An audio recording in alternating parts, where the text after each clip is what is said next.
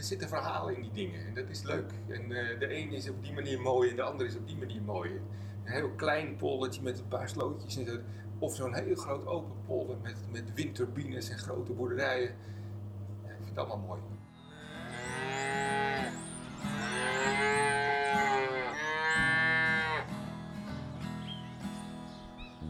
Dit is Meertens Polder Safari. Een podcastreeks over mensen die op verschillende manieren sterk verbonden zijn met het landschap rond Amsterdam. Eerder hoorden we een boer en een moderne jager-verzamelaar. En in deze aflevering gaan we op pad met Hollands enige polderwachter, Marcel Blekendaal. Hij is een kunstenaar en landschapsschilder met verhalen in plaats van een kwast. Marcel neemt mensen mee op safari, de Nederlandse polders in. En laat hen met andere ogen kijken naar hun omgeving. Ik ben Meerte en ik wil graag mijn eigen omgeving beter leren kennen.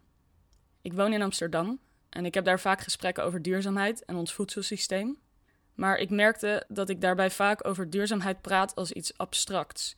En dat daar veel emoties en meningen bij komen kijken.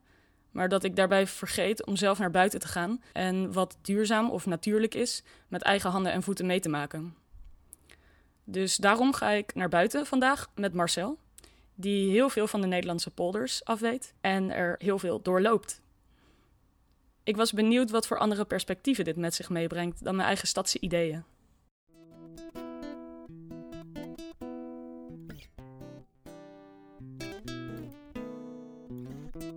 We kunnen maar beter dicht bij huis beginnen, dacht ik. Dus vertrekken Marcel en ik vanaf boerderij De Groene Griffioen, waar ik sinds een half jaar samen met melkboer Marten allerlei zuivelproducten maak. De boerderij ligt in de Naardermeerpolder, een klein uurtje fietsen vanaf mijn huis in Amsterdam-West. Vanaf de idyllische rivier de Vecht, waar ik vaak induik na een lange werkdag op de boerderij, lopen Marcel en ik samen het grasland in. Ik heb mijn kaplaars aan en Marcel, als een echte polderwachter, heeft zijn klompen aangetrokken en een lange polstok in zijn hand. Waar zullen we als eerste heen lopen? Weet je, ik volg jou. Jij gaat uh, voorop en dan loop ik mee. En als ik iets leuks zie, dan stoppen we en dan vertel ik wat moois. Volgens mij gaan uh, daar is het hek waar de koeien altijd uh, de wei in gaan. Dus misschien kunnen we daar het land in gaan. Kijk, ja. je ziet daar de buizerd gaan. Onderop en daarachteraan gaan de kraaien. Zie je dat? Die jagen erachteraan. Nee, ik zie het eigenlijk niet, maar ik heb ook mijn bril niet op. Maar ik zie het ook niet eigenlijk. Ja, er zijn een paar, uh, dan zie je dus zo'n zo'n jager, zo'n buizerd, die gaat uh, eens kijken of hij wat lekkers kan vinden in de polder. En dan zie je vaak die andere vogels erop afgaan. Het is nu, we zijn nog net even te vroeg voor de weidevogels. Ze komen eraan, maar... En dat is zometeen helemaal een mooi spektakel. Als je dan hier over het land kijkt, dan is het zo stil als nu. Gebeurt niks. Totdat er zo'n roofvogel overkomt. En dan opeens komen ze allemaal uit het land omhoog om die roofvogel weg te jagen. En dan kan je heel goed zien hoeveel weidevogels er zitten. En hier, kijk, leuk. Eenden. Wilde eenden. Mannetje en vrouwtje. Wie is het mannetje? Shit, dit wist ik, maar ik ben het vergeten. Ja, kijk, dit is altijd. Uh, die gekleurde, dat zijn de mannetjes. De, de Ze hebben allebei kleuren, toch? Ja, die, die heel mooi met die groene kop en die, uh, die, dat, dat, dat, uh, dat blauwige. Dat is het mannetje. En die saaie, die bruine, dat is het vrouwtje. Maar, het is een beetje raar. Want als ik het heb over iemand met lippenstift, een oogschaduw en een bloemetjesjurk, dan heb ik dat eigenlijk over een vrouw. En iemand in een saai driedelig grijs kostuum, dat is een man. Dus bij de vogels is het precies andersom. Zijn het juist de mannetjes die heel mooi gekleurd zijn en zijn de vrouwtjes heel saai? Dat is natuurlijk omdat die vrouwtjes op de eieren liggen en gecamoufleerd moeten zijn. En die mannetjes moeten een beetje stoer doen hè, met die mooie kleur. Wij mensen doen dat met een dure auto en vogels doen dat met mooie veertjes. Um, maar ergens is dus, zijn wij mensen een andere kant op gegaan dan de vogels. Dus ik heb ook, dat, dat wil ik dan hierbij altijd eventjes ter sprake brengen, dat beeld wat wij hebben van de oerman, He, dat, dat zo'n stoere vent met veel haar en zo. Misschien is de travestiet van tegenwoordig wel een veel beter beeld van de oerman dan wij allemaal denken. He, dit weet ik niet hoor, dat is een vraag die in de lucht hangt. Oké, okay, dus hoe, hoe, meer versierd, hoe uh, mannelijker de eend. Hoe mooier, hoe, hoe mannelijker, ja. Leuk. Leuk hè? Dat is, als je bij mensen gaat nadenken, dan is het ja. best heel anders. Ja, heel leuk. Dat is heel leuk om te weten van de eenden. En ik zal nu altijd anders naar eenden kijken, nu ik weet dat een mannen-eend zich helemaal opmaakt en de vrouwen-eend geen poot uitstrekt om moeite te doen. Maar waarom zouden we dit soort verhalen moeten horen? Waarom is Marcel polderwachter geworden? en vindt hij het belangrijk om mensen verhalen te vertellen over het Hollandse landschap.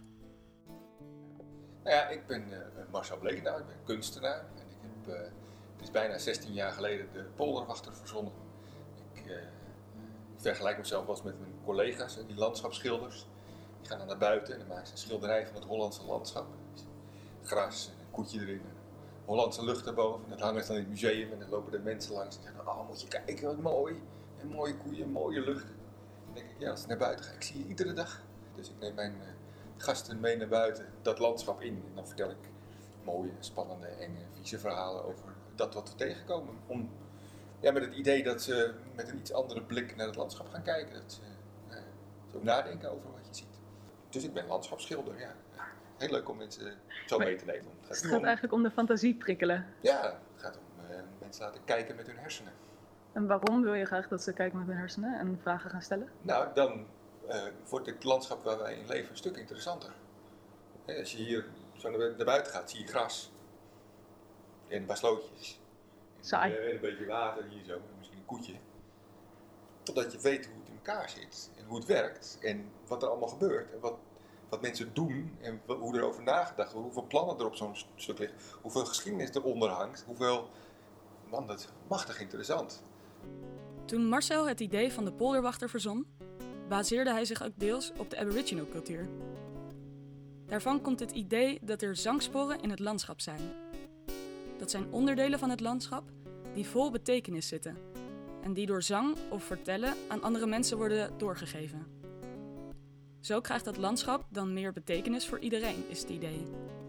Maar ja, dat is nog niet zo makkelijk, want zoals Marcel vertelt, houdt betekenis voor iedereen iets anders in.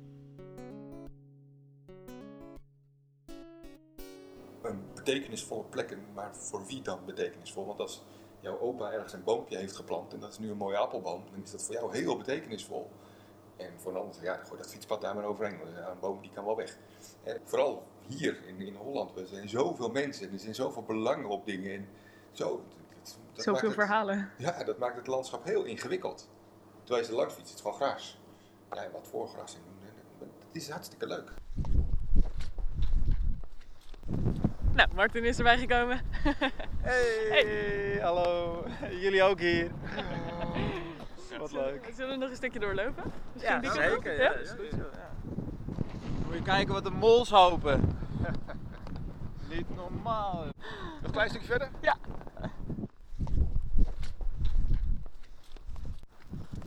Nu zijn we bij de rand aangekomen. Kijk, je hebt hier ook al een mooi uitzicht. Je kan zo mooi om je heen kijken zelfs zo'n uh, zo'n hoogspanningsleiding, ik vind dat wel mooi. Het is wel een soort lijn door het landschap heen die je zo, zo trekt. Ja, ik heb daar nooit zo'n moeite mee. Je kan zien, daar ligt Hilversum, dan zie je een grote toren staan. Je ziet de spoorlijn zo lopen en als je zo een rondje om je heen kijkt, de snelweg. Ik zag daar net een mooi molentje, de, de molen van Weesp. Ja, maar ik zelf, ja, ik kom ook echt uh, ja, een polderjongen, zeg maar. En ik vind het uh, heerlijk, de ruimte om je heen en uh, de, ja, de ruimte voor je gedachten vind ik, heb ik altijd het gevoel. Ik voel me altijd veel vrijer als ik in, in de polder ben. En het voelt, doet me ook altijd heel erg denken nog aan de zee. Hè? Die, die wijsheid en de ruimte en de, het vrije spel van de elementen. En het is heel rustig en overzichtelijk. Het voelt ook wel veilig, weet je wel. Want je ziet alles aankomen ja. van... Ja ja, als je dit. Nou, ik vind het interessante aan Nederland ook, of aan Holland vooral, dat het per definitie een interactie is. Dat natuur is. Ja, sommige mensen denken natuur is iets buiten ons. Maar volgens mij is natuur pas interessant als het in interactie met, met iemand is. Of als, als jij in interactie staat met de natuur. En nou, Holland ja, bestaat niet buiten interactie uh, met de mensen, zeg maar. Ja. En de, de, natuur is hier echt, uh, ja, is, is echt, of het landschap, moet ik zeggen, is per definitie een cultuurlandschap. Ja. Ik heb ooit, uh, toen ik begon als polderwachter, ik dacht dat is wel leuk. Ik, ja, maar er gaan natuurlijk ook mensen mee en die gaan dan vragen, hey, wat is dat voor vogeltje en wat groeit daar en zo. Dan kom ik uit een van de oudste polders van Nederland, dus ik, Kieviet en een Grutto, dat herken ik wel. Maar ik dacht, nou, dat wordt toch wel lastig. Dus toen heb ik een uh, gids van het IVN meegevraagd, zo'n natuurgids. Zei, als jij nou alle natuur doet wat we tegenkomen, dan vertel ik over de cultuur. Hè? Ik vertel over wat wij mensen doen en jij doet dat groene en dat wat daar vliegt en bloeit en groeit. Hij zei, nou, dat is goed. Dus we hebben een wandeling gemaakt. En eh, uiteindelijk zei hij, ja, ik ga niet altijd met je mee. Hij zei, weet je wat, je moet maar zo'n natuurgidsencursus gaan doen. Dan leer je het allemaal zelf en dan hoef ik ook niet meer mee. Dus ik heb de natuurgidsencursus gedaan. Geleerd wat je allemaal niet weet. Het is echt machtig interessant, maar goed. Eh, maar we hadden het heel vaak over natuur en cultuur. Eh, Mhm. Natuur is groen, cultuur is rood. Maar dat is niet zo makkelijk als je hier buiten bent. Wat is nou Nee. natuur? Dus toen heb ik een keer mijn dikke Van Dalen meegenomen en even de definitie van natuur voorgelezen. Ik ken hem uit, on- ondertussen al uit mijn hoofd. Maar, eh, dat is eh, niet door de mens gewijzigde omgeving of omstandigheden. Dus daar waar wij mensen niks doen. Ja. Ja, dat heb je niet Nul in Nederland. in Nederland. Nee, dat is er niet. Dat is dat. Ja, eh, nou, mensen zeggen, ah, de Oostvaardersplassen. Nou, ja, we kennen de discussies allemaal wel. En ook daar is niks doen, is geen optie. Ook daar zijn we dingen aan het doen. Maar, eh, dus ik denk tegenwoordig, ik doe het altijd anders. Volgens mij is heel eh, Holland is cultuur. Wij mensen bepalen de, de waterstand. En dan wat je doet met dat land, wat er, moet er een boer op, of moet er natuur op, of moet er eh, eh, en- of koeien, en wat voor koeien dan? Moet het melkvee zijn, of vleesvee, of moeten het van die hekrunderen zijn? Moet het, eh, dus, maar het is, alles is cultuur, maar op alle cultuur zit ook altijd natuur. Het is er altijd allebei. Alleen de, de diktes van die laagjes verschillen. Soms dan is onze ingreep is wat groter en soms wat minder groot. In Oostvaardersplassen zeggen we dan doen we niet zoveel. Dus dat is een klein laagje cultuur en een hele dikke laag natuur eroverheen. Tegenovergestelde, mijn schoonvader had vroeger een Lada, dat is een auto, dat is cultuur. En daarop groeide mos. Dus zelfs daar zie je die, die twee dingen allebei aanwezig. Ja. En dat is- geldt ook voor zo'n polder hier. Ik bedoel, dit is cultuur. Dit is cultuurland. Hier wordt gepompt, hier wordt geboerd, hier wordt gewoon geld verdiend. Maar daarop zit ook echt wel natuur. Eh, zo'n mol, eh, ja, die zit er dan in. Maar goed, dit, eh, hè, dat, dat, ho- dat hoort gewoon bij. En die vogeltjes die er overheen vliegen en dat wat er groeit en bloeit, dat, ja, dat is machtig interessant om dat te zien. En dat heeft altijd met elkaar te maken. Ja. En dan, daarom vind ik zo'n discussie over die Oostvaardersplass ook weer machtig interessant. Want daar komt het bij elkaar. Kijk, natuur, handen over elkaar, niks doen, dan sta je daar gewoon op de bodem van het IJsselmeer. Dus dat kan niet. Dus we moeten iets doen. Ja, en dan heb je het al, dat is het hek van de dam. Dat betekent dus dat je moet gaan beheren. En moet je dan zo, of moet je dan dat, of moet... Machtig interessant vind ik dat. En vooral omdat het pijn gaat doen op een gegeven moment. Want ja, Is het ja, maar we- conflict het interessantst? ja, nou ja, we gaan niks doen. Ja, dan worden het steeds meer en meer en meer, meer, meer beesten, meer beesten. En dan is niet genoeg eten meer. En dan zeg je, ja, eigenlijk hadden we moeten beheren, hadden we wat moeten schieten. Ja, maar ja, dat is dan weer geen natuur. Dan moeten we nou weer, dan gaan we, we schieten we ze en dan gaan we ze opeten. Dan doen we ze wel naar de voedselbank. Ja, ik vind het machtig, machtig interessant gesprek. Ja, ik vind dat, dat is, dat Dat vind is ik in- interessant. Omdat, omdat mensen zich ook heel erg botsen tegen wat ze zelf bedacht hadden. Hè? Van, ja, ik wil dat dit natuur is. Ja, maar bij natuur hoort ook wel beheer. Tenminste, in Nederland hoort daar beheer bij. Daar moet een wolf in. Ja, wolf, ho, ho, ho, wacht even. Dat is weer gevaarlijk. En die vreet die op. En eh rood kapje, weet je wel. En, eh, ik- ja. Eh, ja, ik vind het wel interessant dat ze er weer aankomen. En eh, ik ben gelukkig geen schaapboer. Ik denk als schaapboer, dan zou ik ook wel argwanend zijn als de wolf weer terugkomt. Maar ja, eh, ik ben geen schaapboer, dus ik heb er niet zoveel last van. Zo is het ook een beetje met duurzaamheid, weet je wel. Ik heb duurzame ontwikkeling gestudeerd. En eh, mensen die vragen altijd aan mij van, eh, weet je wel, is dit het meest duurzaam of is dat het meest duurzaam? En, en, en als ik melk verkoop, waarom is jouw melk meer duurzaam? Maar ja, echt een pasklaar antwoord is er volgens mij helemaal niet. Volgens mij gaat het ook om de dialoog en is het eh, vaak ook eens, ja, of ja, moreel, morele overweging is zo'n zo'n zo'n wollig woord. Maar goed, ja, daar gaat het wel om. En het gaat wel om een dialoog en, en wat je samen beslist. En dat, eh, ja, dat geldt ook voor het landschap. En volgens mij wil niemand ja, een groene woestijn waar niks anders leeft en waar alleen maar eh, melk vanaf komt, als dat al zou kunnen op de langere duur. Want ik denk dat het op langere duur helemaal niet kan. Maar eh, ja, maar die dialoog die moet wel gevoerd worden inderdaad. En Ja. naar gehandeld worden. Ja.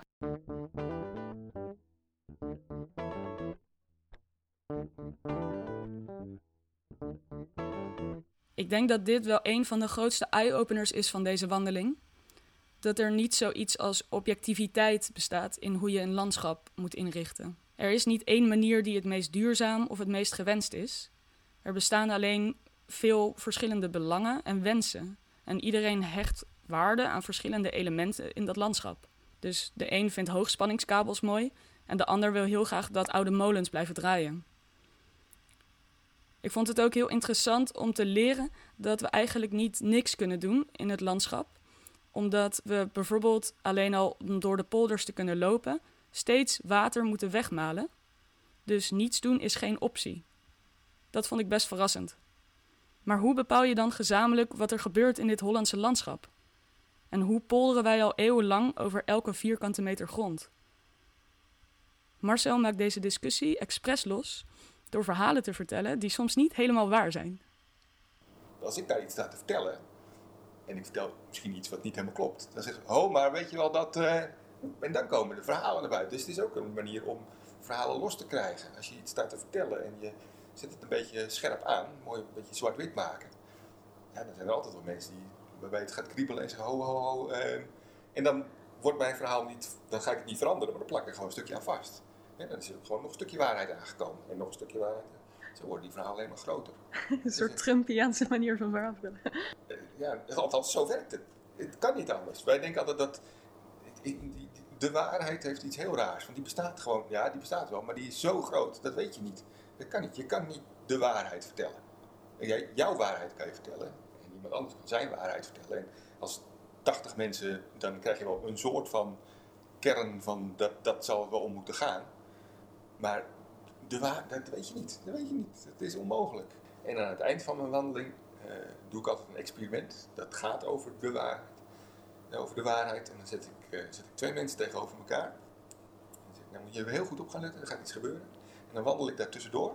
En dan ga ik terug. En dan, er kwam iemand voorbij wandelen. Zag u dat? En dan zegt ze, oh, ja, dat zag ik. En dan zeg ik, een, kwam u van links of van rechts? En moet, de een moet dus zeggen van links. En de ander moet zeggen van rechts. Want dat is de waarheid. Maar ze vertellen allebei de waarheid. Maar ze vertellen allebei precies het tegenovergestelde. En dan zeg ik, ja, de waarheid is dus... Hij kwam van links, maar als ik aan de andere kant had gestaan, was het van rechts. En als ik daar had gestaan, kwam hij rechtop. Maar dat wordt een ontzettend lang verhaal. En dat, dat kan ik niet in de polder, al die waarheden vertellen. Dus ik heb er één gekozen. Ik heb gezegd van links. Terwijl van rechts misschien net zo waar is. En dat niet met de bedoeling om mensen voor te liegen. Maar verhaal wel een beetje behapbaar houden. Moeten we meer gaan polderen? Gewoon meer nog over het landschap praten samen wat we ermee willen? Eh, ja, dat zou wel handig zijn. Ja, Denk je? als we, nou ja, hoewel hoe meer mensen je erbij betrekt, hoe langer het gesprek wordt en hoe ingewikkelder het wordt. Eh, maar ik vind wel dat meer mensen zich bewust zouden moeten zijn van wat voor keuzes je aan de keukentafel maakt. Met wat je op tafel zet, dat je daar iets mee zegt over. Want dat mooie koetje wat op dat melkpak staat, niet altijd echt het koetje waar ook de melk vandaan komt. Het is, eh, maar ja, daar is weer een kunstenaar aan het werk geweest. Die dacht, ja, het komt van de koe, dus eh, melk, hè, dus dat maken we zo'n koetje erop. Dat deed Maar- jij voordat je polderwachter werd. nou ja, nee, ik had het kunnen gaan doen. Maar nee, nee. nee ja, maar dat is dat. Maar van waaruit, ik denk ook dat van waaruit voel je zo'n dialoog, weet je wel. Het moet wel, vind ik, vanuit een soort van betrokkenheid. Hè? Van als je, je kan ook vanuit je, eh, ja, je hoge droge stoel eh, in de stad, maar eventjes eh, heel bot te zeggen, zeg maar, eh, van alles vinden over die boer en Ja. van die boer en hoe die boer het moet doen. Ja. Maar ja, weet je wel, eh, je kan, dat, dat kan ook snel vanuit emotie eh, en, en, en ja, vanuit een soort van eh, ja, idealistisch idee komen, wat niet echt nou ja, gevoed is door de, door de werkelijkheid. Zeg maar. Het is wel mooi als je iets zegt over het landschap, als je ook het landschap kent en, en, en dus in interactie staat met het Ja. landschap en, en, en, en betrokken bent bij dat landschap. Hè. Van daaruit wil ik zeker meer dialoog, maar eh, ja, er is al een hele hoop dialoog, maar het is vaak een beetje tegen elkaar. En, en, Nee, dat is geen dialoog, dat is dingen roepen. nou ja, precies. En als je nou dingen roept en je luistert ook naar elkaar, dan krijg je een dialoog. Dat is leuk. Ja. Eh, want alleen maar roepen van eh, dat mag niet meer. Ja, wat zijn daar dan de consequenties van? Kom het maar vertellen aan die boer dat hij dat niet meer mag doen. Je mag die kalfjes niet meer bij die koe weghalen. Nou, dan hebben we dus geen melk meer. Ja, eh, oh, ja, maar dat gaat niet. Dus, nou ja, over dat, die de Oostvaardersplassen jagen mag niet. Nou ja, dan, gaat daar, dan gaan ze door met fokken en dan eh, wordt het straks echt heel vervelend als je gaat zien hoe wat dagen, dan ze nog minder eten, dan gaat het nog slechter. Wat moet je doen? Dat, moeten dingen doen. En, en inderdaad, eh, eh, op Twitter is het heel makkelijk om te roepen, dit moet. En dan de dialoog komt dan, zou eigenlijk daarna moeten komen. Met, nou ja, roep het maar eens aan tafel en ga maar eens kijken wat dan de consequenties zijn van als we dat doen. En het is inderdaad, het is een optie. Maar dan gebeurt dit en dat en dat en dat. En is dat wat je wil? Als dat is wat je wil, ja, dan moet je het blijven roepen. Maar ik denk heel vaak dat ze het roepen met een idee, maar geen idee hebben wat dan de consequenties uiteindelijk zijn. En als ze dat wel weten, Ik, nou, misschien is dan iets minder, of misschien moet je dat toch. En dan gaan we polderen. Waarheid ligt in het midden, ja. Ja, ja, ja. Ik vroeg me eigenlijk af, nu we het over heel veel polders hebben gehad, eh, of je een lievelingspolder hebt. ik, heb, eh, ik ben geboren in de, in de Zuiderpolder. En dan, dan moet dat maar de lievelingspolder zijn. Maar ja, ik woon in Maas, dus de Betunepolder achter, me, dat, daar weet ik niet. Dus misschien is dat wel. eh, nee, nee. We hebben er 3891 polders in Nederland en één polderwachter. En ik vind ze allemaal ontzettend leuk. Ja, het is, dat kan niet. Nee, nee het, zijn, er zitten verhalen in die dingen en dat is leuk. En eh, de een is op die manier mooi en de ander is op die manier mooi. Een heel klein poldertje met een paar slootjes en zo. Of zo'n heel groot open polder met, met windturbines en grote boerderijen. Ik vind het allemaal mooi. Ja, nee, ik heb geen... eh, was ooit stond ik met de burgemeester van Amersfoort aan de monding van de Eem. En eh, toen keken we zo uit over de, de randmeren. Toen zei ze, nou polderwachter, dit is toch de mooiste plek van Nederland, hè? Toen zei ik, ja, ja, ja, ja, ja. De burgemeester moet je altijd gelijk geven. En toen fietste ik zo naar huis door de, door, over de Utrechtse Heuvelrug. En toen kwam zo de vechtstreek in. Dan zie zo dat landschap voor. En ik oh, dit is mooi. Misschien wel de mooiste plek van Nederland. Dus ik ben mijn ouders, dan stond ik op de Hondsbosse Zeewering. En dan zie ik, ja, de mooiste plek van Nederland. Hè. Dus landschap is gewoon een aaneenschakeling van mooiste plekken en mooiste polders. Het is gewoon goed kijken en dan zie je het. Als andere mensen die niet vaak in de polders komen, die net zoals ik eh, uit de stad eh, naar buiten gaan en alleen maar gras zien. Ja. En die willen meer zien en ook verhalen te weten komen. Hoe, wa- wat kan je dan doen? Als je het zelf wil weten. Ja, als je, als je ja, meer dan gras wil zien alleen. Hoe, kan je, hoe pak je dat aan? Hoe word je ook polderwachter? Nou, eh, de volgende keer niet doorfietsen, maar even stoppen. Dan ga je zitten aan de rand, ga je, ga je kijken en dan hier op de dijk langs de vecht gaat zitten en je kijkt naar het land. En wat zie ik nou eigenlijk? Dan zie je een slootje, je ziet nog een slootje, je ziet een vogel omhoog vliegen. En dan neem je een verrekijker mee en dan zie je nog een vogel en dan zie je twee vogels achter elkaar aan. Dan denk je, een klein vogeltje en een grote vogel. En ja, dan ga je daar eens over verwonderen en dan ga je gewoon eens kijken met je hersenen. En dan zie je dat water achter je, hè, van de rivier. En dan zie je daaronder dat slootje. En dan denk je, hé, dat is raar. Dat water aan die kant staat hoger dan het water aan die kant. Hoe kan dat nou? En dan kijk je naar links en zie je daar een rare arm staan. En denk je, oh, dat, misschien dat wel gemaal. En dan zit er een soort hark aan. Want dat water, dat gemaal trekt het water uit de polder. En komt ook al dat vuil mee. En dan eens in de zoveel uur gaat zo'n hark automatisch, die gaat zo naar beneden. En die trekt zo al dat vuil ervoor weg. En dan legt hij daarnaast op een dingetje. Als je lang genoeg zit te wachten, dan zie je hem vanzelf dat doen. Denk je, hè, dat is grappig. Dat is gewoon theater in de polder. Maar ja, als je doorfietst, zie je het niet.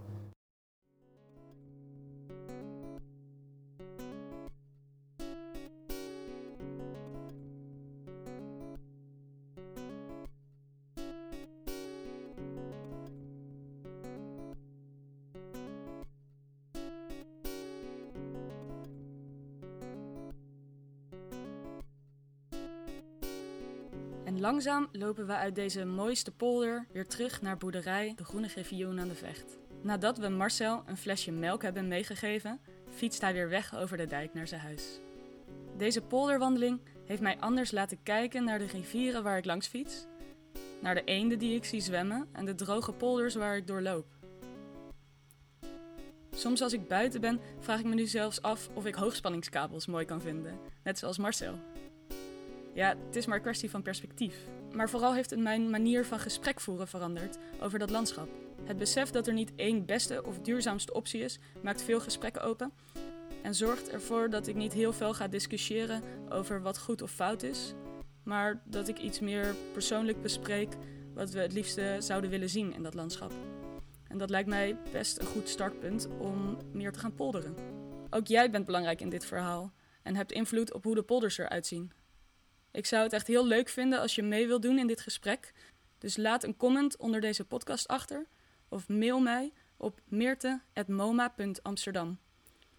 Je bent ook welkom om langs te komen als Martin en ik staan te venten op de Amsterdamse pleinen of komende tijd bijeenkomsten organiseren via MoMA over dit onderwerp. Hou daarvoor de website www.moma.amsterdam in de gaten. Hopelijk tot dan. Doei!